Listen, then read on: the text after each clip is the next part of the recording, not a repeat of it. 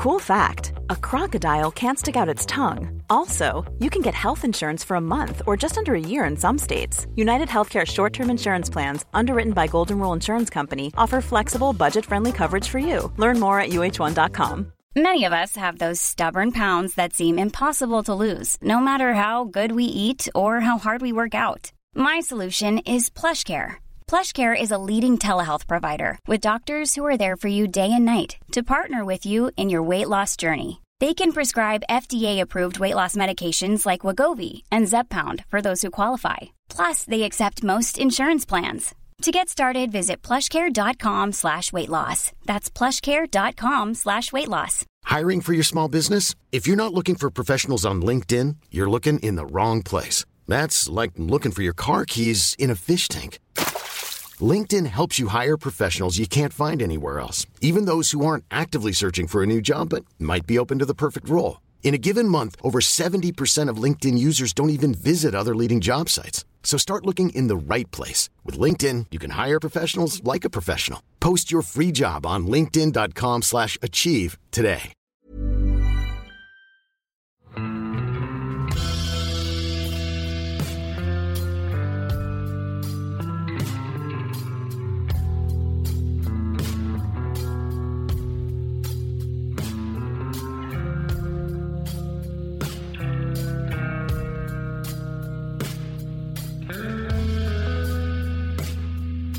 Hei, og velkommen til podkasten Uteliv. Mitt navn er Randulf Valle. Jeg lurer på, har du noen gang på telttur i kalde forhold våkna at du frys og forbanna soveposen? Det har i hvert fall jeg. Spesielt tidligere, men nå så tror jeg at jeg har skjønt at liggeunderlaget ofte har minst like mye å si. Hva tror du om det, SINTEF-forsker Øystein Wiggen? Jo, det kan jeg si meg skjønt enig i. Jeg har eh, frosset min del på tur, og vi har, eh, jeg har eh, både praktisk og teoretisk erfaring fra at eh, liggeunderlaget, det er viktig. Ja. Velkommen tilbake til podkasten Uteliv. Du er jo på en måte min faste nerdesparingspartner når det gjelder ting som handler om menneskekroppen i naturen, og spesielt om det å fryse. Jo, takk. Eh, hyggelig å være tilbake igjen. Det, det, er alltid hyggelig å kunne nerde med noen om akkurat eh, de her temaene som jeg har eh, gjort et dypdykk inn i. Ja, for det er jo liggeunderlagene vi skal se nærmere på i dag. Og du kan si litt sånn bakgrunnen for at vi går på liggeunderlag. Ja, Det er jo først at det er interessant og at det er viktig, ofte viktigere enn man tenker på. Men også fordi vi har fått en standard for isolasjonsevnen til liggeunderlag, for måling av den. På lik linje med at vi for mange år siden fikk en standard for temperaturgrenser på soveposer. Så vi skal se litt på praktisk bruk av liggeunderlag, men egentlig veldig mye på fysikken som ligger bak det her. Men du Øystein, har du noen sånne minner om kalde netter i soveposen? Det har jeg så absolutt. Uh, og det er alt ifra det å glemme av liggeunderlaget og bare må improvisere med noen dårlige klær og diverse ned mot, uh, ned mot uh, bunnen. Um, og senest nå så var det jo når man gikk til en mer komfortable feltsenger. Ei feltseng isolerer utrolig dårlig alene, og du må gjerne ha et tykt liggeunderlag oppå det. Det fikk jeg smertelig erfare når jeg skulle prøve ut hvor lite og tynt liggeunderlag kunne jeg klare meg med. Ja, det er jo når man da prøver seg stadig mer fram, så finner man jo etter hvert ut når man har gått for langt. Absolutt. Så øh, fra nå av så er det alltid gode, tykke liggeunderlag. Mm. Det er også svært behagelig. Det er en, en kompis som jeg padla min første lange padletur i Canada med for 20 år siden. Han omtalte sånn oppblåsbare underlag litt sånn foraktelig som gammelkald madrass. Men nå tenker jeg at jeg pusher jo 50 og begynner å bli aldersadekvat til, til sånne ting, da, om jeg så må hente det på hjelpemiddelsentralen. Ja, de, det var et En vesentlig Jeg vil nesten påstå at det var et paradigmeskifte når jeg gikk over fra skumplast til oppblåsbare. Det var en helt ny verden hva gjelder både varme og komfort. Mm. Men eh, for å se litt på først, da. Altså, eh, en viktig liksom, egenskap for sovepose-underlagssystemet er jo at det skal holde oss varm om natta. Men, men hva er det som regulerer om vi er gode og varme om natta og sover godt, eller om vi blir kalde og begynner å fryse? Altså, hvordan er liksom fysiologien og fysikken her? I utgangspunktet så er det jo eh, sånn at det er oss sjøl som er varmeovnen. Du har en del tilpasninger med at du kan eh, legge ned i et eh, varmeteppe eller ei varmeflaske og sånne ting, men i utgangspunktet så er det vi sjøl som er varmeovnen. Og da er det jo balansen mellom eh, hvor mye varme produserer vi, versus hvor mye varme taper vi. Altså hvor mye varmetapet. Er varmetapet større enn varmeproduksjon, så blir vi jo først eh, kald i huden, og det begynner å være ubehagelig, og så begynner vi å skjelve og begynner å ha dårlig søvn, da, i hvert fall hvis du snakker om eh, soveposelivet. Og så etter hvert så er det jo risiko for at du blir nedkjørt hvis at du ikke har god nok isolasjon mot omgivelsene. Mm. Og Det er jo viktig det der at uh, verken soveposen eller liggeunderlaget varmer oss opp. Det bare begrenser varmetapet til omgivelsene. Altså Det er noen som liksom snakker om at det skal varme oss, men, men, det skal ikke gjøre det. Det skal bare sørge for at varmen forsvinner saktere fra oss. Ja. Mm. Eh, men, eh, men, da er jo spørsmålet, da. altså hvis Når vi ligger i en sovepose på et underlag og har bakken under oss, altså hvordan overføres varmen fra oss til bakken? Vi har jo fire eh, mekanismer for varmeoverføring, hvor vi har eh, konduksjon, som er mellom to objekter eh, som er i kontakt med hverandre. Den er jo relevant absolutt for liggeunderlaget. Mm -hmm. I tillegg så har vi konveksjon. Det som eh, man tradisjonelt snakker om eh, er sånn vindavkjøling og den slags, men det er jo egentlig kun bevegelse av to medium mellom hverandre. Mm. Sånn at det overfører energi. Og I tillegg så har vi også stråling, som kan ha en effekt eh, ved liggeunderlaget. Og så har vi evaporasjon, eller fordampning, som er i mindre grad når vi snakker om liggeunderlaget, men som er en veldig viktig mekanisme når vi snakker om mennesket, og som da evaporasjon, fordamping, er jo gjennom svetting i hovedsak, men også litt gjennom pusten. Mm. Yep. Så når det gjelder liggeunderlaget, så er det jo da tre faktorer, hovedfaktorer, som, eh, som regulerer måte, hvor eh, mye varme vi taper. Altså det er altså, eh, konduksjon, mm. konveksjon, som er med luftsirkulasjon, ja. og så er det, er det, stråling. Og så kan du jo si at for alle sånne Eh, prosesser hvor varme, og, eller termisk energi, da, vi, vi, kan kalle det varme, men eh, for, for, så vi ikke blir tatt på, eh, på og, feil nerding, så er det overgang av termisk energi, eller varmeovergang, så er det forskjellen i temperatur mellom objekter som er den drivende krafta. Absolutt. Så det er jo det som hele tida er gradientene der som hele tida er drivende. og er forskjellen mellom deg og bakketemperaturen stor, så taper du varme fortere enn om bakken er varm. Absolutt. Mm. Og legger du deg på et svaberg om sommeren, så kan du jo faktisk bli varma opp. Det er, føles lenge siden nå, men det stemmer, stemmer bra, det, ja. Mm. Men det som er litt interessant akkurat når det gjelder strålingsvarmen, er jo at eh, den skiller seg litt når det gjelder, fra de andre når det gjelder det der med, med, med drivkrafta. Eh, for der har du temperaturen opphøyd i fjerde. Og det betyr at den er ikke bare avhengig av temperaturforskjellen, men også avhengig av absoluttemperaturen. Det er større overgang av strålevarme mellom 0 og 100 pluss enn mellom 0 og 100 minus. Eh, så det får noen effekter eh, som i hvert fall teoretisk kan ha noe å si etter hvert her. Absolutt. Mm. Men da er vi, nå er vi godt nede i nerdeavdelingen, ja. Ja, og der, der, skal vi befinne oss en god del i dag. Da. Det, det, har ikke vært så mye nerding i høstsesongen, så nå skal vi ta igjen så det holder. Men øh, når vi bruker liggeunderlag, altså, hva er det vi ønsker at det skal gjøre for oss? I hovedsak så vil jeg si at liggeunderlag det er jo isolasjon mot øh, underlaget, sånn at vi skal holde oss varm. Det skal isolere. Eh, og tett som er nummer to, så skal det gjøre at vi er mer komfortabelt der vi, der vi ligger. Så det er utrolig viktig for den her termobalansen, eh, for at du skal få eh, et godt sovesystem. Og det er veldig viktig i forhold til komforten med underlaget, at du får faktisk en god natts søvn pga. at du ikke føler alle steiner og ujevnheter, eller hva det skal være, da. Mm. Et tredje forhold som jeg ikke tenkte på før nå, er jo faktisk at å hindre at du blir våt. Altså Et liggeunderlag må jo være vanntett, sånn at i motsetning til soveposen, så kan du legge et liggeunderlag på vått underlag, og så plassere soveposen oppå, og så, og så går jo det helt fint.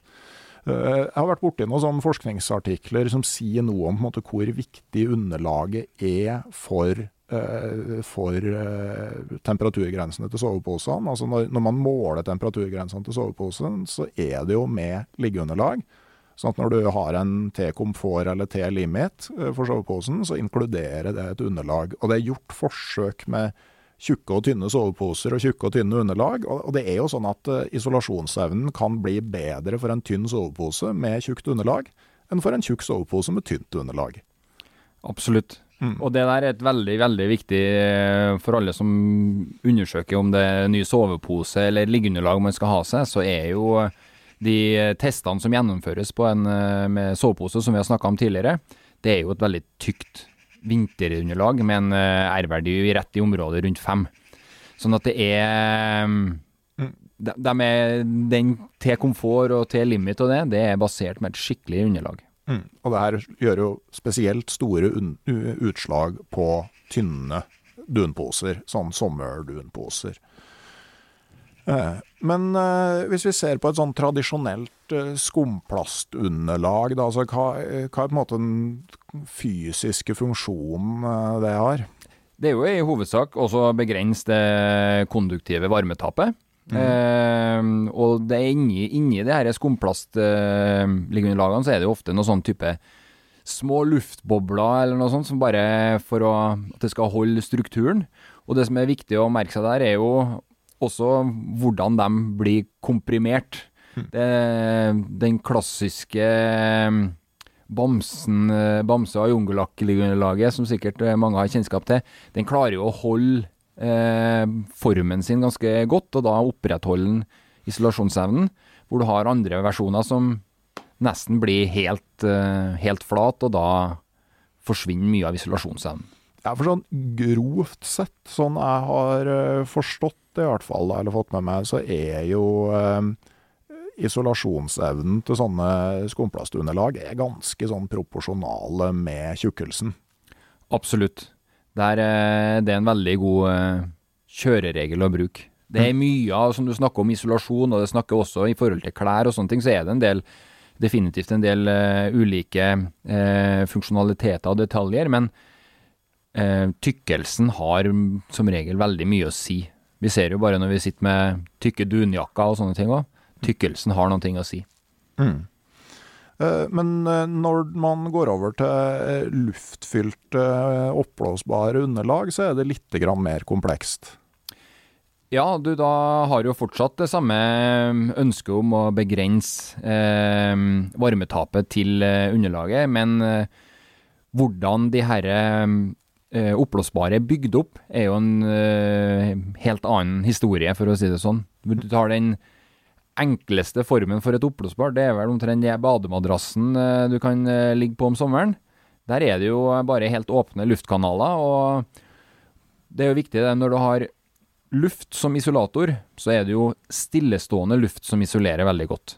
Um, og i, et, uh, i en oppblåsbar luftmadrass så, som du bruker på stranda, så vil den lufta inni hver enkelt kanal sirkulerer, og dermed redusere isolasjon, eller ha en betydelig lavere isolasjonsevne enn en del av de her moderne liggeunderlagene, som har enten syntetiske stoffer inni seg, de har øh, veggkonstruksjoner i enkelte kammer, og øh, ikke minst da også dun som har blitt øh, blåst inn i noen av de her ja, for jeg har sett på Det var jo to sånn Exped-underlag som er nesten like egenskaper. Altså, jeg vet ikke om det fins fortsatt, her, men det er AirMat Light 5L og DownMat Light 5L.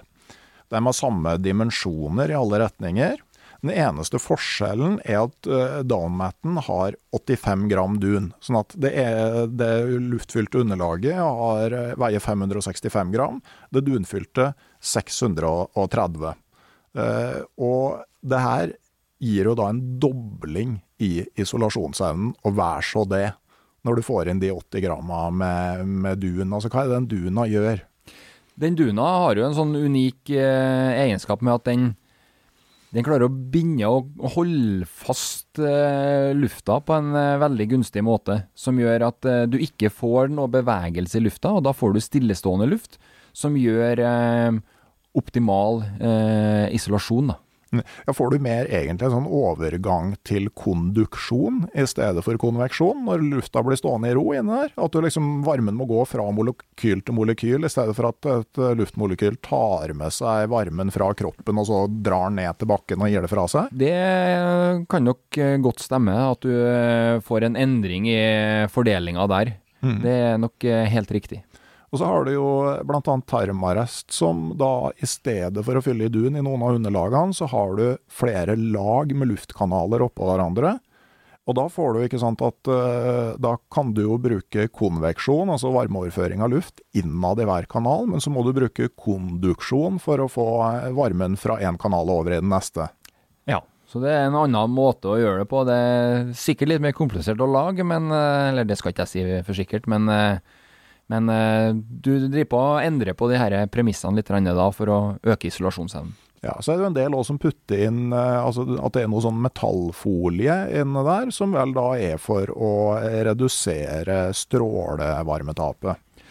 Ja, det er jo en uh, Akkurat den praktiske effekten rundt det, det er jeg litt usikker på, men det kan være et potensial der. Men det man også, som, som vi kanskje ikke har snakka om når du snakker om liggeunderlag, vi snakker om komfort og det her, det er jo også noe med hvordan de oppleves å ligge på, tenker jeg. Og jeg har eh, litt erfaring når du får inn i det herre Det er noen som høres litt mer ut som kreppapir enn andre.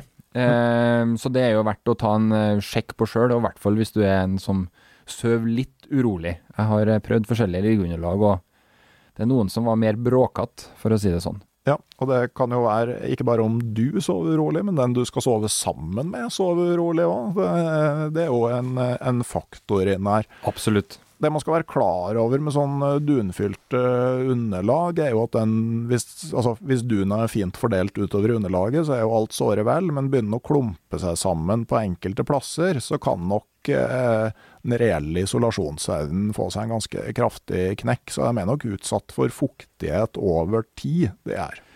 Det er nok en viktig faktor, og det er jo eh, Nå kommer vel de aller fleste oppblåsbare liggeunderlag med en eller annen form for, eh, for pumpe, nå eh, antar jeg. Og det er jo nettopp for at du skal unngå å blåse da fuktig luft sjøl inni. Og det kan vel i særlig grad ha en uheldig del for de dunfylte liggeunderlagene, men den pumpa er der for en grunn, mm. sånn at du skal optimalisere funksjonen til liggeunderlaget. Ja, så er jo Kunstfiberfyll blir jo altså Du får jo litt tyngre underlag. Det blir jo som i soveposer, ikke sant. At uh, kunstfiber er tyngre for å få samme isolasjonsevne som dun. Men det du, de delvis gjør der, er jo å feste kunstfiber både i toppen og bunnen av underlaget, sånn at det på en måte strekker trekkes ut og holdes fast når du blåser opp. Sånn at eh, det er enklere da å få til liksom en fordeling av fyllmaterialet som holder seg rimelig konstant. Mm. Mm. Så, eh, så, rent praktisk så er det jo så klart et stort poeng at alle luftfylte underlag eh, fungerer vesentlig dårligere idet de ikke lenger er fylt av luft. Det er et kjempeviktig poeng, og det, det indikerer viktigheten av å ha med seg et repsett jeg har eh, Og gjerne det er jo eh, lettere og tynnere du pusher dem, jo mindre tåler dem. Ja. Vær også klar over, altså du kan merke at du mister luft i løpet av natta. Jeg har vært borti hatt så lite som et hår inni ventilen, eller inni den eh, lukkeproppen. Det kan være nok til at det ikke er skikkelig tett lenger. Så en del av dem er ganske ømfintlig for, for sånne ting. Ja, min kone fikk smertelig erfare når eh, ene fuglehunden vår tok og strakk seg litt på kveldinga og satt klørne nedi et sånt lite lettvektsunderlag. Da sa det pst, og liggeunderlaget ble flatt. Heldigvis så var det en repsett der, så det kan fort skje. Ja. Jeg, jeg har aldri brukt å ha hund inne i teltet, men jeg forstår at eh, det kan gi eh, sånne utslag. ja. Men vi har jo så vidt snakka om det her med R-verdi for liggeunderlag. Hva er R-verdi? R-verdi, det er jo da den herre um, uh, enheten som man definerer isolasjonsgraden av et liggeunderlag. Det er jo da en motstandsverdi for, i forhold til varmeoverføring. Eh, og R-en står jo vel for eh, resistance, så vidt det har meg forstått. Og den eh, eh, kan jo sammenlignes med også med elektrisk motstand. Altså du kan med liggeunderlag så kan du legge et uh, liggeunderlag på en R-verdi på to oppå et annet på to, og da får du en uh, isolasjon på fire. Mm. Eh, og det finnes mange forskjellige målemetoder, men, eh, og det har vært litt ulik praksis. Men eh, som du nå tidligere har nevnt, så har det jo nå kommet i hvert fall en standard for dette her. Ja. Uh, generelt, altså sånn når man kommer til sånn industrielle standarder, når man skal lage en standard for noe, altså hva er det man ønsker å oppnå, hvordan går man fram? Målet med en standard er jo å få en standardisert eh, prosedyre, da, eller en gjennomføring av en test. Sånn at eh, det her er eh, enkelt nok til at eh, alle kan klare å gjøre det. Men det er også at eh, du får eh, repeterbare resultater. Du får reproduserbare resultater. Det vil si at hvis jeg tar med et liggeunderlag ned på en lab, så kan jeg kjøre den samme testen gang på gang på gang og få akkurat de samme type resultatene. Det er repeterbarheten, ikke sant? Ja, og så kan jeg sende, et, uh, sende det samme liggeunderlaget til en annen lab for å gjøre samme type testen, og de skal få samme type resultatet. Mm. Så da har vi uh, Og da, som forbruker eller produsent, så har du da muligheten til å sammenligne mellom dine egne produkter, og du har muligheten til å finne ut på en bedre måte hvilket liggeunderlag er det som passer for meg, og hva er det egentlig jeg trenger. Mm. Men så er det at for å oppnå det som du sier med både at det skal være enkelt nok å gjøre testen, det, det, det kan liksom ikke koste 100 000 å teste et underlag, og så det at du skal gjøre den så tydelig at den er repeterbar og reproduserbar, men så skal du samtidig da passe på at den ikke fjerner seg for mye fra virkeligheten. Absolutt. Og det er jo en sånn uh, hele tida en balansegang som hvordan du skal gjøre det. og um Eh, det er jo litt sånn som vi ser i forhold til også på tekstiltesting. Da kan du liksom ta ut et, eh, et enkeltstående 15 ganger 15 cm tekstil. Du kan sette sammen i ulike sånne om du har eh, trelagssystem eller hva det er, og teste isolasjonsgraden av det. Men eh, det er jo ikke nødvendigvis representativt for et helt bekledningskonsept, så da tar du det videre opp på mannekenger og sånne ting. Og det er jo det som er gjort nå med den her eh, liggeunderlagsstandarden, er at de har måleapparat som er stor nok til at du faktisk får testa hele liggeunderlaget inni oppsettet, i stedet for at du må bryte ut og ta små deler eller lage simulatorer av det. Så det er jo en styrke med det. Mm. Men eh, for å ta standarden, da. Den er jo på en måte relativt enkel. Altså, du har to plater. Ei som holder 35 varmegrader, og ei som holder 5 varmegrader. Og mellom der legger du underlaget. Temperaturen i rommet er 20 grader, gjennomsnittet av det her to. Og så måler du rett og slett hvor mye effekt du må tilføre den øvre plata med høyest temperatur, for at den skal holde den temperaturen. Enkelt og greit. Og da ser du da hvor mye effekt som går gjennom underlaget ved den temperaturforskjellen. Det, det er jo sånn eh, eh, for så vidt ganske greit. da, Så kan du dele på arealet til den varmeplata, og så blir alt såre vel. Men det, men det er jo ganske mye du må ha kontroll på her for at det her skal bli riktig. Ja, ting er jo satt inn i, i, et system her for at du skal ha, du skal ha god målenøyaktighet på, på, begge platene. Du skal ha kontroll på hva det er som foregår i rommet eh, og sånne ting. Så det er mye faktorer du skal ta inn, og ikke minst også da det her eh, trykket som eh, den eh, simulerte kroppen, da, eller den 35-graderplata, blir pressa ned mot liggeunderlaget på. Ja, for det er to kilopascal er trykket. Altså det er 200 kilo per kvadratmeter. Eh, det trykkes, og den øvre plata trykkes ned mot liggeunderlaget. Og det er det ganske reelt for en menneskekropp at uh, en 100 kilos person har en halv kvadratmeter areal ned mot underlaget? Nei, det, vi har vel gjerne litt uh, mer, men den uh, testen gjennomføres vel på flere deler av liggeunderlaget, i hvert fall. Sånn at uh, vi får give and take litt. Rann, det, mm. Så det, det, er sånn sett, da. Ja, og Så gir testen nå en instruksjon for trykket inni underlaget. 3,5 kilopascal. Altså sånn I forhold til et sykkelhjul og sånn, så er det veldig lite. Det er veldig lite. Og så må jeg jo si at jeg, et, å, å, å, sove på et sånt sykkelhjul-PSI eller trykk, det, det, tror jeg vil oppleves veldig hardt. Um, og nå har ikke verken, så vidt jeg har forstått, verken meg eller du uh, noen gang målt trykket vi er mest komfortable på å sove inni, eller sove med liggeunderlaget. Nei, altså jeg har ikke helt knekt den koden med hvordan jeg skal få målt trykket i underlaget. Det er mulig det er noen som er flinke på eller naumatikk, Det, du tror jeg sånn læren om eh, ting under trykk eh, og kan få satt på en trykksensor på underlaget, men, men det, det er utafor mine ti tommeltotters eh, praktiske arbeidskapasitet. Da. Ja, jeg, jeg, så hvordan de gjennomførte når de kjørte, eh, kjører de her type testene. og um, Det er jo bare et, eh, nok et nøyaktig måleapparat når de fyller liggeunderlagene for å sikre seg at du har tilstrekkelig med trykk. Men det er vel grunn til å anta at um, det standardtrykket der, det er ganske hardt. Mm. Um, så ja. det det er vel en, et godt fylt liggeunderlag, for å si det sånn. Ja. Altså En annen ting man må være sikker på for å få riktig resultat, da, er jo at uh, varmen fra det her uh, varmeelementet på toppen av underlaget, at uh, den effekten som tilføres der, at den faktisk forsvinner ned gjennom underlaget og ikke ut til omgivelsene.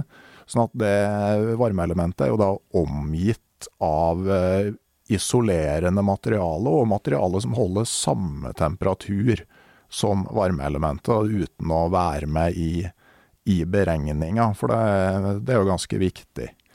Ja, det er kjempeviktig. Og så er det hele tida den derre Når de skal lage et sånt testoppsett, så er det jo en eh, vesentlig del av diskusjonen med å få noe som er så eh, godt og relevant som overhodet mulig, mens at eh, er faktisk mulig å lage det i tillegg òg, da. At det må være eh, praktisk gjennomførbart. Mm. Og så er det jo en del sånne eh, regler for måte, hvor mye temperaturen kan variere over de eh, forskjellige platene. Men litt sånn f.eks. den kjøleplata på fem varmegrader, da, den er litt sånn stor frihet om den liksom f.eks. kan være vannkjølt, da, eller, eller, du kan bruke andre kjølemekanismer. Så det er jo litt sånn, litt sånn frihet i, inne der. og og så gir standarden eh, Den gir jo eh, måtte, instruksjoner for ja, hvordan oppblåsbare underlag skal blåses opp. Står at du skal ikke bruke trykkluft, skal ikke blåse med munnen. Sånn, og, og, underlagene må ligge i testkammeret. Jeg tror det er to timer for ikke-oppblåsbare og fire timer for oppblåsbare før du, før du setter i gang. Ja, og det er jo for at du skal standardisere alle forutsetninger, sånn at eh, man får eh, like resultat. Mm. En ting som er en sånn eh, begrensning i testen, det er hvor tjukke underlag man kan ha med. For at eh, ettersom underlagene blir tjukkere, så får du stadig mer varmetap ut på sida. Uh, og det der var noen beregninger på jeg mener rundt 9 cm. Uh, at uh, det for, eh, i hvert fall enkelte av apparatene begynner å være begrensninger da, på eh, jeg tror det er et forhold mellom bredde og tjukkelse som, eh, som avgjør det her. Det kan nok eh, sikkert være noen føringer som ligger på det. Da ble jeg litt bekymra. Da blir ikke sikkert blitt testa det store, gode liggeunderlaget som jeg bruker for tida, for det tror jeg er oppimot en 10 cm. Så det mm. Eh, så det, det, er for så vidt greit. Altså, hva mer er det? Altså, jo, det, når du måler på underlaget, så måler du på tre forskjellige plasser på hvert underlag. Eh, og tar et gjennomsnitt av det. Og så skal du måle på tre forskjellige underlag før du Liksom tre eksemplar av hvert underlag før du, før du kommer med det endelige svaret. Ja, og det er jo en sånn for å kvalitetssikre produktene og at det måler det samme. Og så eh, gjennomføres det også på de her maskinene så gjennomføres det sånn standardtester eh, med regelmessig intervall. Bare sånn at vi, man vet at man har f.eks. et kalibreringsliggeunderlag da på to eller fire, på en R-verdi på to eller fire, sånn at du bare Det vet man at det skal man måle. Mm. Jeg så eh, Det står jo i standarden og sånne oversikter over noen sånne tester. Og, altså, det er en sånn eh, variasjon på en 10% omtrent, når du, eh, på en del av målingene der, ser jeg. Det kan nok eh, være, men det er sikkert ei avveining de har gjort i forhold til praktiske biter med gjennomføringa. Når er det mm. godt nok? Ja, og, mm. og, det er jo for så vidt altså om det er 1 eller 1,1, det er jo ikke det som er greia. Det er om det er 1 eller 3, liksom. Er, men, men, eh, men, når det begynner å bli veldig nært hverandre, så kan man jo ha det i, i bakhodet. Absolutt. Så er det jo sånn de tre plassene, hvis underlaget er helt firkanta og jevnt, så skal du liksom måle 25% 50% og 75 ned langs eh, lengden. Og så når det begynner å bli litt sånn eh, mumiforma underlag, så er det mer sånn kompliserte eh, regler da, for hvor du skal plassere de her målepunktene. Det er nok et eh, Med den ambisjonen om å gjøre det mest mulig relevant for, for sluttbrukeren, antar jeg, sånn at du skal få et best mulig uttrykk. For det er jo en del av liggeunderlagene som hvor man prøver å manipulere på det meste for å optimalisere både isolasjonsevne til en eh, lavest mulig vekt, mm. vil jeg anta. Og da kuttes og klippes og tilpasses på eh, mye forskjellige måter, har jeg sett. Ja. Eh, men, men, når man da har en sånn R-verdi og en standard for det, så er det jo åpenbare fordeler knytta til det, sånn i forhold til før. Før så var det jo primært Xped og Termarest som oppga R-verdier, og de, de var visst ikke så veldig forskjellige, og ikke så veldig forskjellige fra den eh, standarden vi har i dag. Ganske tilsvarende måleprosedyrer. Men nå vet vi at alle sånne R-verdier er målt på samme måte. Ja, så frem til at eh, produsentene oppgir at det er testa i henhold til den standarden, så eh, er det mye enklere nå å sammenligne. Mm. Eh, og når det gjelder altså sånn, jeg prøvde å sjekke litt, altså hva slags R-verdi skal du sikte deg inn på til forskjellige typer bruk, så, så, er jo det et samspill mellom hvem du er, hvor lett du fryser, hvor mye du tåler å fryse og fortsatt klarer å sove, og hva slags sovepose du har, da.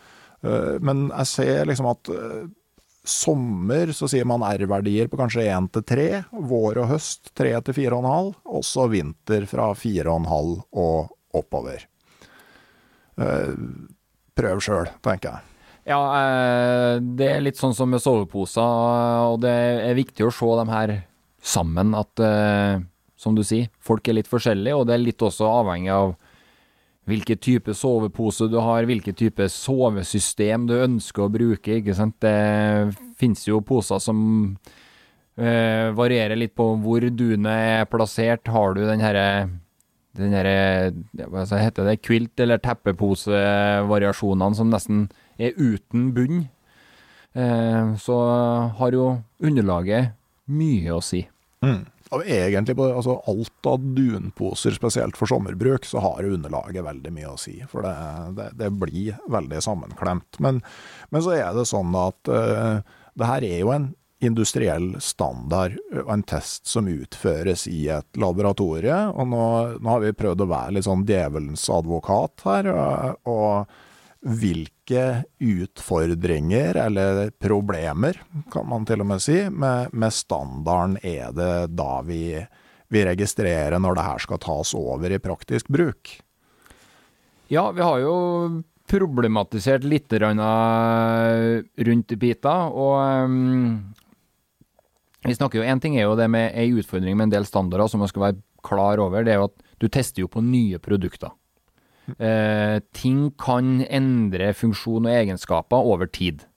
Det vet vi med både klær og soveposer, men også kan man være verdt å tenke over det i forhold til underlag, eh, og særlig dem som har eh, fylt opp da med eventuelt dun eller andre, at ting kan skje inni der som endrer isolasjonsegenskapene.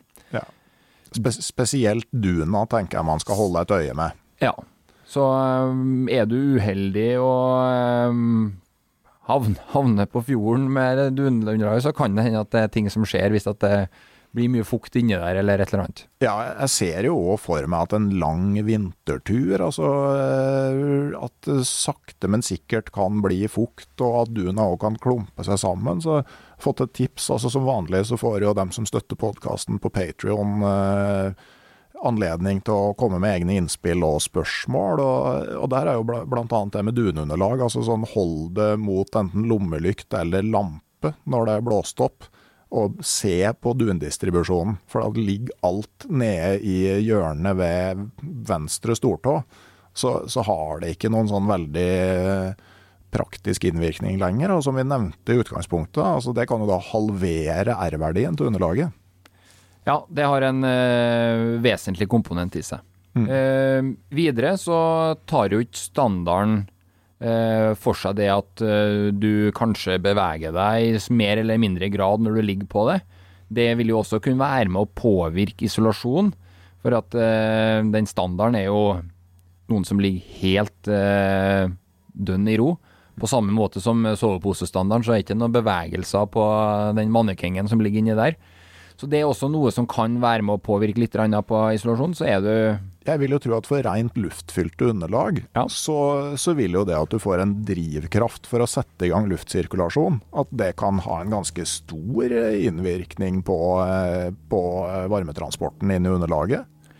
Ja, altså, ja, det kan det så absolutt gjøre, og, og det er jo verdt å tenke på at uh, du ligger Det er ikke sikkert alltid at du ligger helt flatt, du kan ligge litt skjevt, og du kan uh, Og da den her varme kuldebiten er jo med på en sånn uh, Vi har jo snakka om konduksjon og konveksjon, og vi får jo da kanskje en mer sånn naturlig luftsirkulasjon da, mellom hvordan varmluft og kaldluft beveger seg inne. Så det kan være noe å tenke på.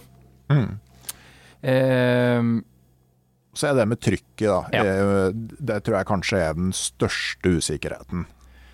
Ja, for der eh, er det nok en eh, praktisk forskjell på hva Eller kan være en praktisk forskjell på hva standarden sier om det trykket, i forhold til der hvordan folk ønsker å ha det.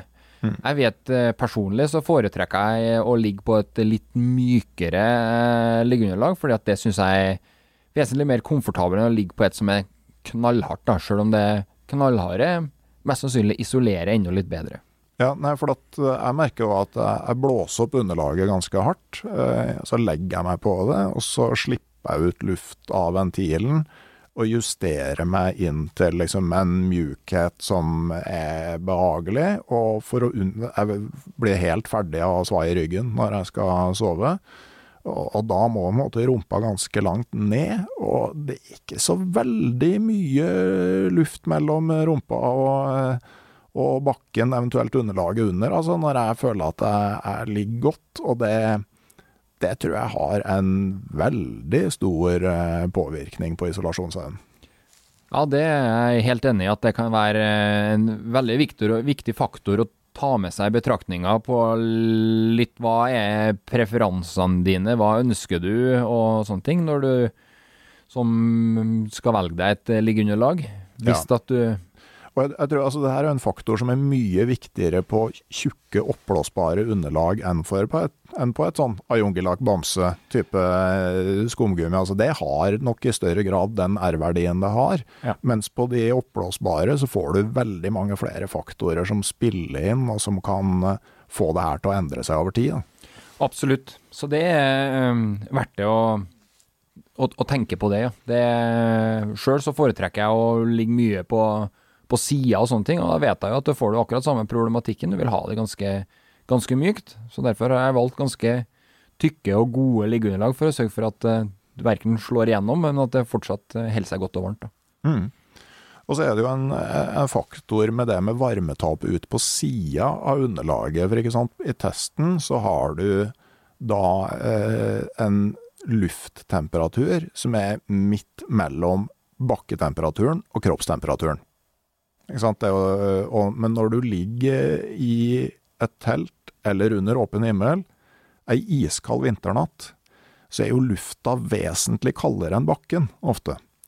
Sånn at uh, du får en helt annen drivkraft for varmetap ut på sida av liggeunderlaget. Det kan uh, Det har du nok helt rett i. Mm. Så det er nok noe som man også kan tenke gjennom, og det er nok en avveining de har gjort i forhold til hvor skal denne typen standardisert test gjennomføres. Altså 20 grader, det er midt imellom, men det er også ganske normal romtemperatur som gjør at de kanskje de slipper unna med å ha de her testoppsettene sine. Trenger ikke å ha det inn i et klimakammer i tillegg, da. Nei, Definitivt, og det er jo enklere å få til en god kjøleløsning når den skal være på plussida, enn den, når den skal være på minussida.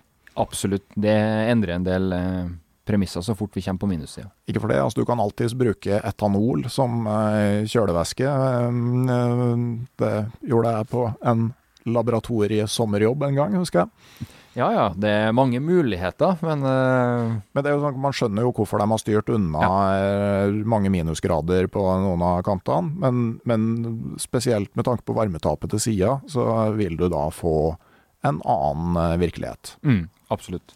Mm. Og så lurer jeg på uh, Du snakka jo på at du har ligget på feltseng. Uh, hengekøye er jo også veldig populært. Og sånn som testen er satt opp nå, så er det jo da et konduktivt varmetap på undersida av liggeunderlaget. Det er i kontakt med noe som du overfører varmen til. Mm. Men i, eh, spesielt i hengekøya, ikke sant, så har du en helt annen mekanisme for varmetap på undersida. Har du noen tanker om eh, hvordan det kan spille inn? Ja, det kan i hvert fall gjøre at eh, hengekøyenatta kan bli eh, vesentlig kjøligere. Eh, for at du får jo mye mer eh, konveksjon du kan få under deg med grunn av at eh, luft sirkulerer jo på en annen måte, og i særlig grad kanskje når du henger ut i, mellom, eh, mellom, trær. Det er jo mye av de samme funksjonene som det er for ei feltseng, bare at feltseng har du kanskje gjerne inni et telt eller tilsvarende, hvor det er i hvert fall mer stillestående luft. Og i tillegg med de her eh, hengekøyene, så er du ikke bare under soveposen det blir komprimert, men det blir jo gjerne også fort komprimert litt oppover og på sidene.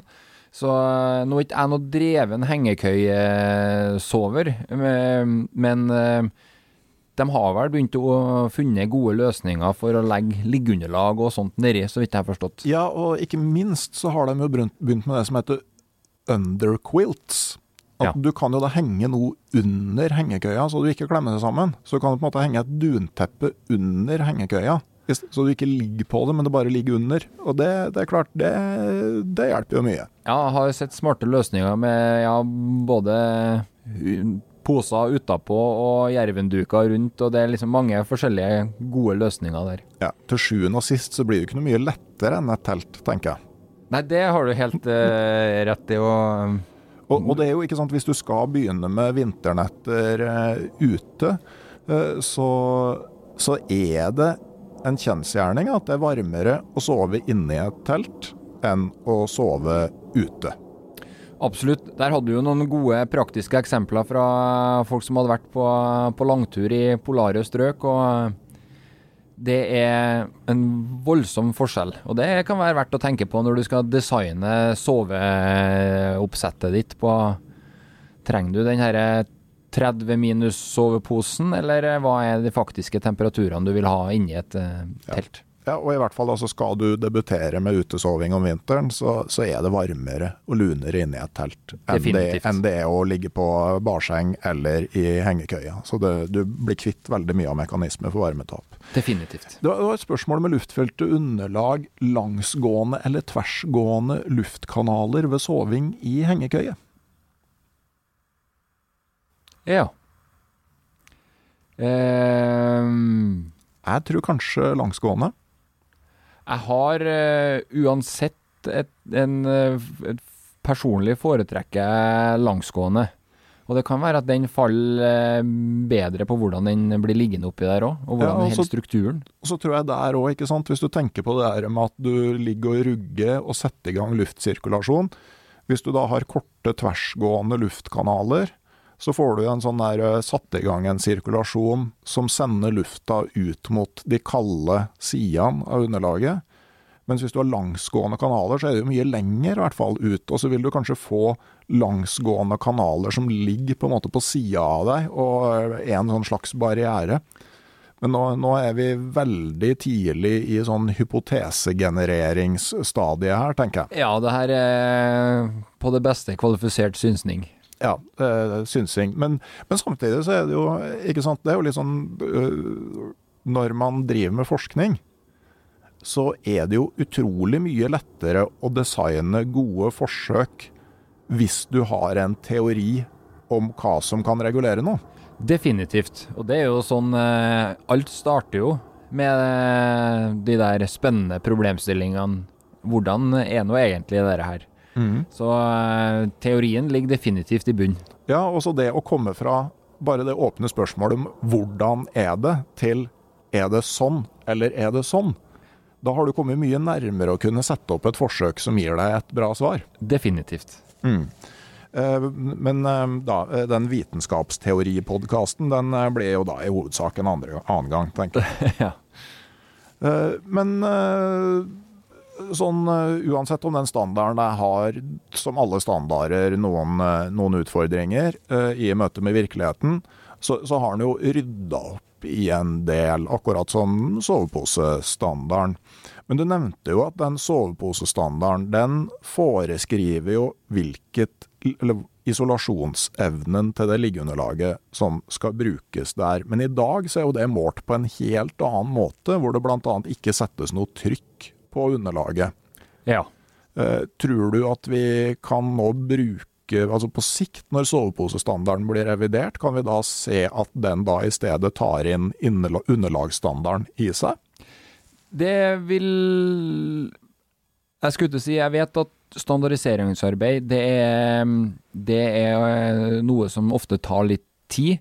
Eh, Det er ingen eh, quick fix eh, på de bitene her, men jeg håper jo at når bransje og det har klart å enes om en form for standard, så er man i hvert fall mye, mye nærmere at også de her ISO 1-standardene eh, velger å ta inn en sånn type måte, sånn at det blir likhet for, for flere, da. Ja, altså, ja, for det ville jo være bra å få inn en liggeunderlags sånn standard for R-verdien til det liggeunderlaget som skal brukes i testen, som faktisk er målt med en standard for underlag. Men jeg ser at en underlagsstandard er en ASTM-standard, mens soveposestandarden er en ISO-standard. Altså er det noe sånn der eh, Jeg kjenner på en måte ikke er det noen sånn eh, konflikter ute og går i standardiseringsverden, sånn at det å, å referere til standarder på tvers av standardiseringsbyråer kan være en eh, terskel?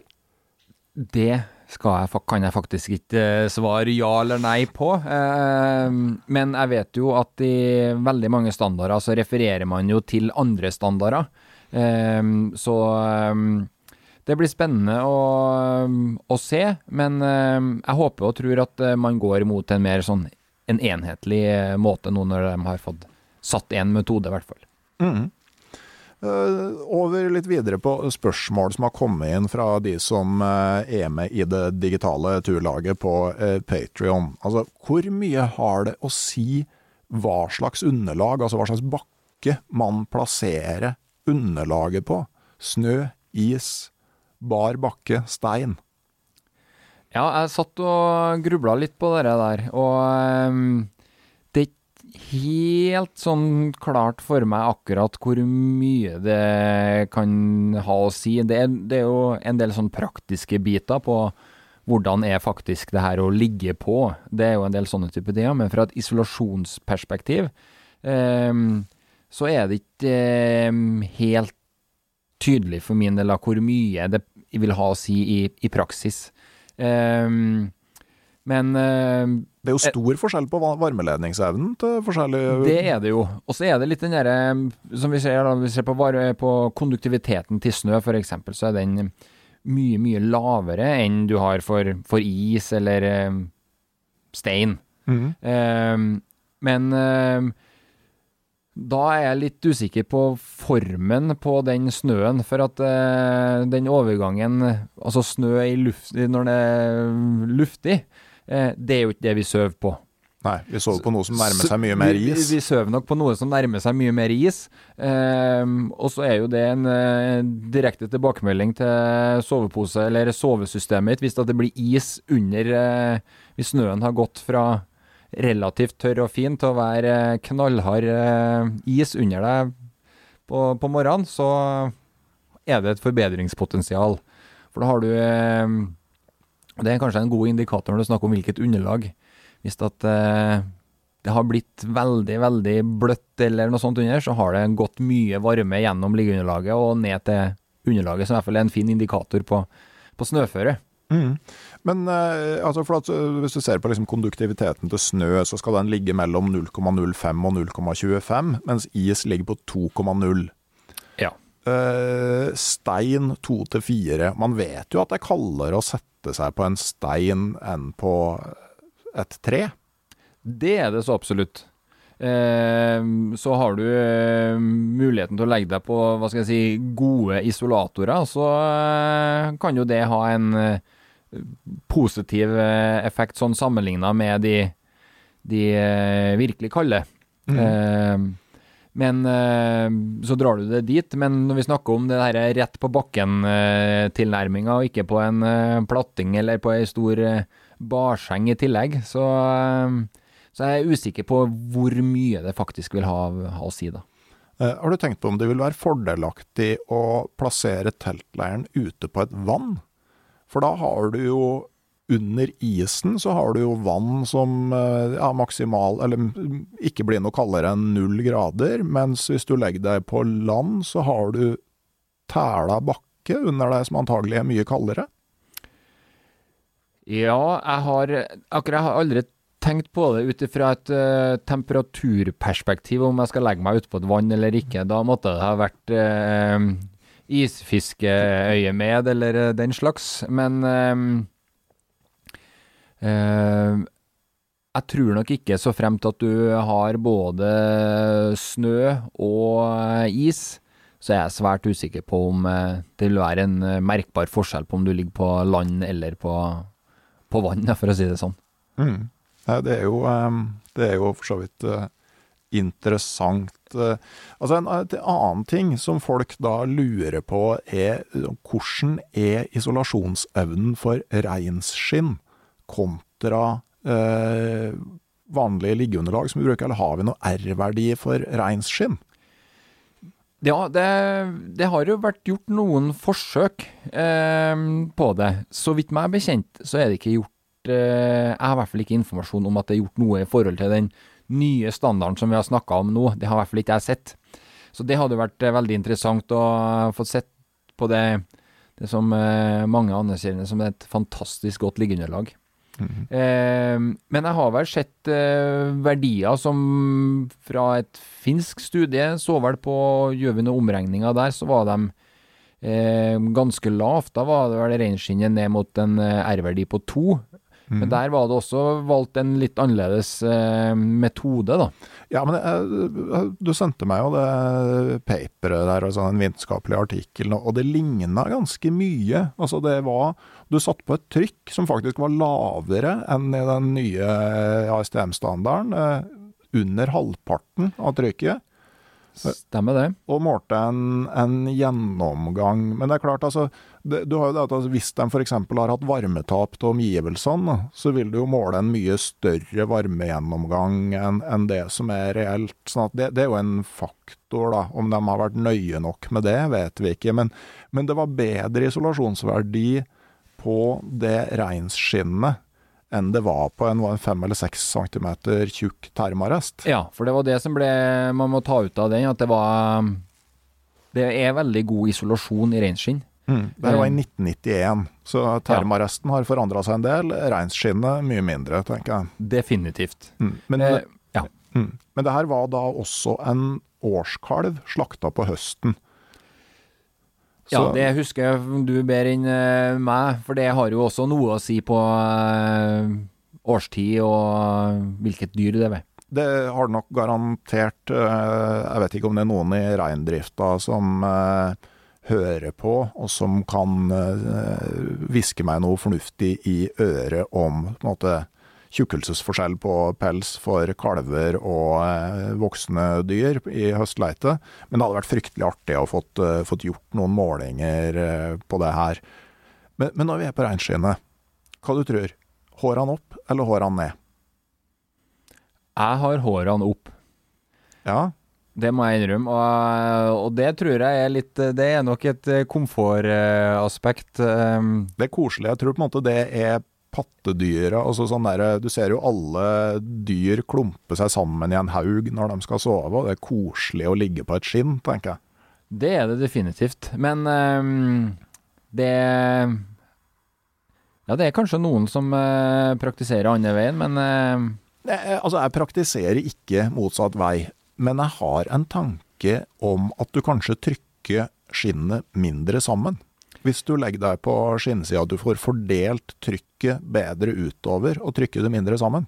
Det kan så absolutt være. Um, og jeg husker jo fra tida når jeg jobba i Forsvaret nordpå, så var det jo uh, kombinasjonen av uh, Forsvarets liggeunderlag med, med reinskinnet oppå, og det, det fungerte til alt hva Finnmark hadde å by på, i hvert fall. Ja. Jeg er jo en, en mangegangers gjest i podkasten her, Bengt Rotmo, var jo òg i Porsanger på eh, førstegangstjenesten. Og lagføreren hans som hadde militær begravelse for simla si i siste kuldegropa for vinteren. Da var det et hårløst eh, skinn, mer eller mindre, som, eh, som ble gravd ned og forlatt der. Med, med stor festivitas, eller sånn med høf, høytidelig markering, da. Ja, nei, men det er som seg hør og bør.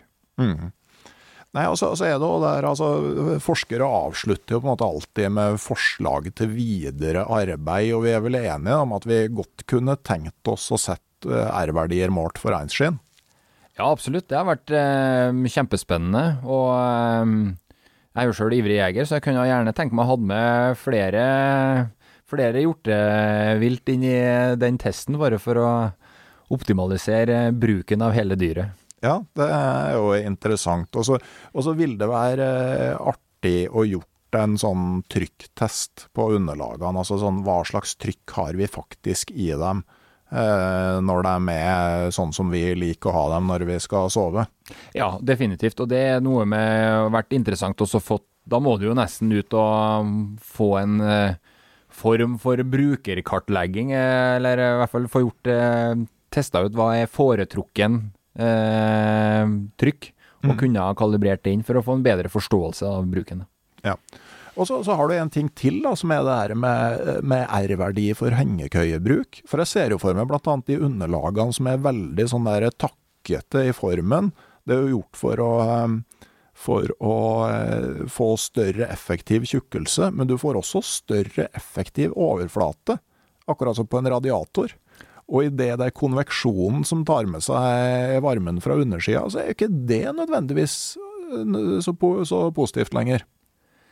Nei, og det spørs om vi får se ei egen nisje innenfor optimaliserte liggeunderlag for det her, da. Men øh, Ja, det, det tror jeg allerede det kan er godt der. At altså, det finnes. Jeg må innrømme at jeg er ikke noe veldig god på, på hengekøye, men jeg tror, altså, så vidt jeg har sett, at det kommer allerede spesialiserte underlag for hengekøyebruk. Men jeg tenker at da heller den paddeflate bamsen enn sånn type ridge rest og set rest og sånn. De heter de her eh, termarest-underlagene som har mye større overflate, og som da funker mer som en radiator, ikke sant?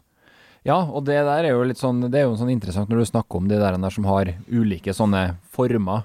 Og det er jo um, der, Det er jo for å bygge øh, mer volum, skal jeg si, mer høyde, uten at du trenger å gjøre det tykkere og, og veie mer. Men mm. det er jo der, når vi snakker om hvilket underlag du ligger på, så eh, ser man jo det av avtrykket når du eh, ligger på noen av de her eh, eggekartong- eller eh, rillesystemene nedover mot, eh, mot snøen. Så ser du hvordan det fylles opp. Mm. Jeg må faktisk bare bryte inn her. Dere har sikkert hørt at det har kommet fly forbi og sånn, eh, for vi sitter ute utafor der jeg bor og tar opp. Og nå gikk det akkurat et rådyr forbi bak oss her. Jeg så den hvite rumpa som gikk rolig nedover eh, i den bitte lille hundremeterskogen på nedsida av huset. Trenger ikke gå langt for å få naturopplevelser. Nei, det er flott her i Trondheim. Mm. Men en, et siste spørsmål fra lytterne. Du har vanlig skumgummiunderlag og oppblåsbart underlag med deg på tur. og Det er liksom en sånn anbefalesverdig kombinasjon, spesielt på vinteren. Sånn at du, du har et underlag i sikkerhet, et tjukt et oppå, og skulle det oppblåsbare punktere, så har du noe i reserve. Men hvilket underlag tar du øverst, og hvilket tar du nederst? Uh, av alle praktiske henseender så uh, plasseres vel uh, for de aller fleste skumplassen nederst, og du legger det oppblåsbare oppå. At det er den normale rekkefølgen. Men så vet jeg jo at du har noen teorier om, om det motsatte. Ja, altså det, det, er vel faktisk ikke bare en teori. Altså det, det vil jeg si at det er Fysikken tilsier at det motsatte er det varmeste. Det, det blir best isolasjon ved å putte det oppblåsbare nederst. Det er jo fordi at jeg mener at i oppblåsbare underlag så er den komponenten med stråling eh, den gir mer varmetransport enn i de skumplastunderlagene. Og så husker vi at varmetransport ved stråling var ikke bare avhengig av temperaturforskjellen, men av absoluttemperaturen. Jeg regna litt på det her. Jeg har gitt ut ei bok som heter 'Hvorfor er det så kaldt å være våt?' og 182 andre spørsmål om friluftsliv du ikke visste du hadde. Eh, hvor nerden i meg liksom har fått lov til å gå amok. Eh, og der eh, regna jeg litt på det her, og jeg fant ut at energistrømmen er ca. 20% større mellom flater som har temperatur på 0 og 20, enn mellom flater som har temperatur på 0 og minus 20. Sånn at uh, Det er energistrømmen bare i form av stråling, så det er ikke 20% forskjell. Det er 20% på strålekomponenten, da, om du legger underlaget nederst eller øverst, sånn røftlig. Antagelig ikke veldig stor praktisk betydning, med mindre det er helt marginalt. Og jeg må innrømme at jeg gjør det omvendt, rett og slett. Spesielt på sommerstid, da. Eh, for det er ofte et veldig sånn tynt eh, biltemaunderlag under, eh, som egentlig mest er som beskyttelse, og så et vanlig, eller et oppblåsbart oppå. Og da bruker jeg jo det skumplastunderlaget primært som beskyttelse, da, mer enn altså, mer enn som isolasjon. Så eh, varmest med det oppblåsbare nederst, mest praktisk med det oppblåsbare øverst, tenker jeg. Støtter den. Mm. Men ehm, ja, da tror jeg vi har nerda oss gjennom det meste av det som skal nerdes. Men hvis vi skal prøve å avslutte med noe litt mer sånn praktiske råd, da. Altså, hva tenker vi er et lurt oppsett å ha med seg på tur av underlag? Start med det siste du sa. Det å kombinere et eh, med et eh, skumplast med et eh, oppblåsbart. Det er en verdifull, et veldig gunstig oppsett. Mm. Eh, ikke blås opp de oppblåsbare med pusten. Bruk pumper eller eh, andre måter. Mm. Eh, så du slipper å få fuktig luft inn i dette systemet. Mm. Eh, pass på sånn at man tørker ting godt. Og prøver å opprettholde, i hvert fall i de spesielt viktige med de dunfylte. Og det for så vidt alle sammen, men for å unngå klumping. Mm, det er viktig, ja. Og så sånn rent sånn Ja, og det å liksom la det henge med åpne ventiler og ligge liksom lufte seg godt når du kommer tilbake, det, det tror jeg du har mye igjen for. Eh, og en annen ting er jo da på sommerstid. Eh, ikke la oppblåsbare, oppblåste liggeunderlag ligge ute i sola. Da kan de ganske enkelt eksplodere. Jeg har eh, et, en artig historie fra Vi var på lavvotur en uh, god gjeng uh, hvor vi um, fyra med hadde ovn inni. Og der var det en som opplevde strålingsvarmen litt for mye og litt for ubehagelig. Så han brukte et sådant oppblåsbart dunlag, dun, dunliggeunderlag, som en form for st strålebeskyttelse. med Eh, det er følgende at eh, det ble en eh, liten poff, og eh, Ikke en sånn rent liten poff, men eh, dunspredning i det der. Så et, eh, det er, viktig å tenke på, ja. Det må ha vært en ganske sånn eh, bra eh, sånn visuell effekt.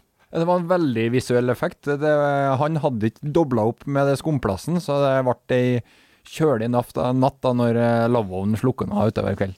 Ja. Men øh, ja, vi, underlaget må være langt nok og bredt nok til deg. Um, på, spesielt på sommeren også, så kan du justere det litt til. Legge fotene på ryggsekken. Hvis du har en del ekstra klær, så, så trenger du ikke underlag som er langt nok til på en måte. Men husk òg at de oppblåsbare er såpass høye at det er nesten litt vanskelig hvis du er vant til litt høy pute. Skal du ha en god del klær for å få noe som er høyt nok? Absolutt. Det, og det der, der, når du snakker om størrelse på dem òg, det er å finne denne avveininga hvor, hvor stort trenger du, versus eh, eh, hvor mye ønsker du å ha med deg og bære og, og den slags. Og ja, og ikke minst er det plass i teltet. Ikke minst er det plass i teltet. Har du eh, Vi har eh, to store liggeunderlag, og det dekker hele eh, tremannsteltet. Ja. Og det er jo for det første litt dumt hvis du skal være tre, eh, for da er det ikke ja. plass til tredjemann. Det opplevde jeg. Jeg var på tur med jentene eh, mine, de to, to småjentene, og jeg blei liggende på tvers i ytterteltet, for det var ikke plass i innerteltet. Eh, der var det egentlig ikke plass da på tvers, så jeg lå med fotene utafor, og våkna at det hadde begynt å regne om natta. Da ble jeg kald på fotene dunposen eh, klappa sammen. Men, men husk også på bare sånn hvis du vil fyre primus inne mellom underlagene i teltet, f.eks. Altså sånn, det er fint å ha bredt underlag, men eh, det kan bli for bredt. Absolutt. Mm. Og har du med deg et oppblåsbart liggeunderlag, ha også med deg et repsett. Ja. Jeg er blitt veldig glad i det der MSR Field Repair Kit, tror jeg det heter, som er noe sånn der limklatter som eh, du liksom masserer på, så du slipper å styre med, med, liksom, med limtuber og, og, sånne ting. Det, det syns jeg har funka bra. Det er mange gode produkter på sånne som uh, har skikkelig solid lim og klarer å fungere godt, så det, det er verdt det. Da kan du ha noen uhell, og så fortsatt en uh, god natts søvn. Mm. Er det noe mer vi skal ta med? Hva er det sånn har vi vært igjennom det meste nå? Jeg tror vi begynner å få snakka oss eh, godt gjennom eh, hva gjelder et eh, liggeunderlag. Mm. Det er bare å finne det som funker for seg sjøl, og som du sier, med individuelle variasjoner. Og så er det å sørge for å ha et godt nok liggeunderlag. Det har mer å si enn vi kanskje tror. Ja.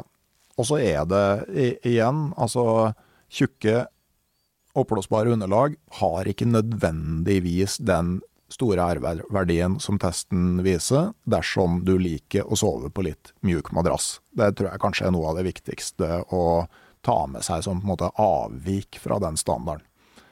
Bevis gjerne at jeg tar feil, eh, men inntil det er motbevist, så tenker jeg at jeg vil i hvert fall ha litt sånn konservativt anslag på hvor mye isolasjon et tjukt oppblåsbar underlag faktisk gir meg.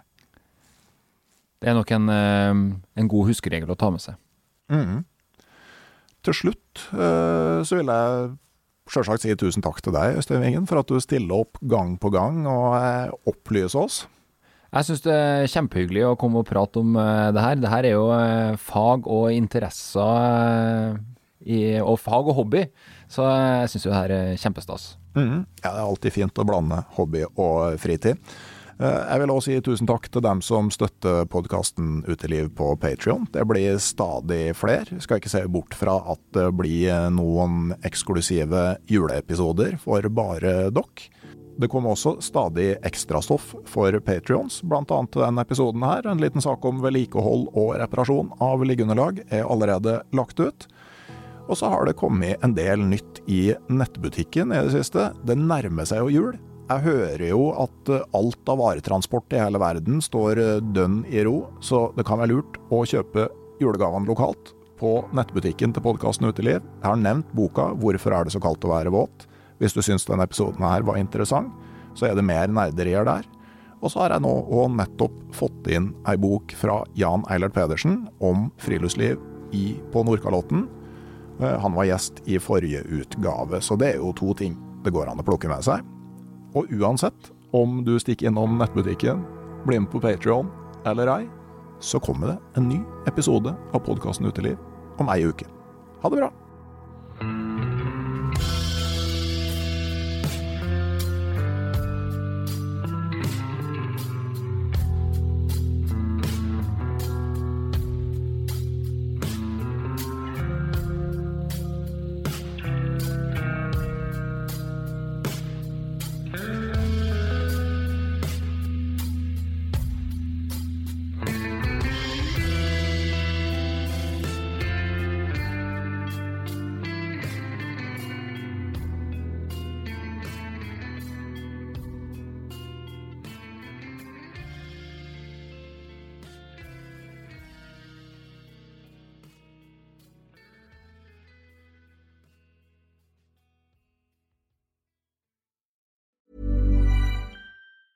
Ever catch yourself eating the same flavorless dinner three days in a row?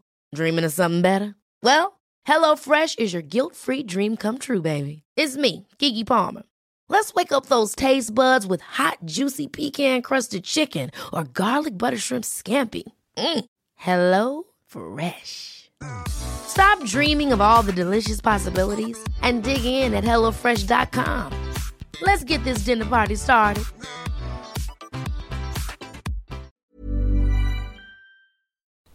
Hei, jeg heter Nore Helligsen og er daglig leder i Barents Outdoor. Det beste vi kan gjøre for planeten, er å redusere forbruket vårt og få mer ut av det utstyret vi allerede har. Men vi vet av erfaring at bruken av telt kan endre seg over tid. Det teltet du kjøpte for to år siden, passer kanskje ikke det behovet du har i dag. Derfor har vi i Barents etablert en egen panteordning der vi tar imot brukte telt av god kvalitet, i innbytte når du kjøper et nytt av oss. Prosessen er enkel. På barentsoutdoor.no gir du oss informasjon om teltet du vil bytte inn. Basert på det får du et tilbud fra oss som gir deg rabatt på ditt neste Barents-produkt. Mer info og betingelser finner du på barentsoutdoor.no. Og husk at den første reparasjonen på produkter fra Barents er alltid gratis.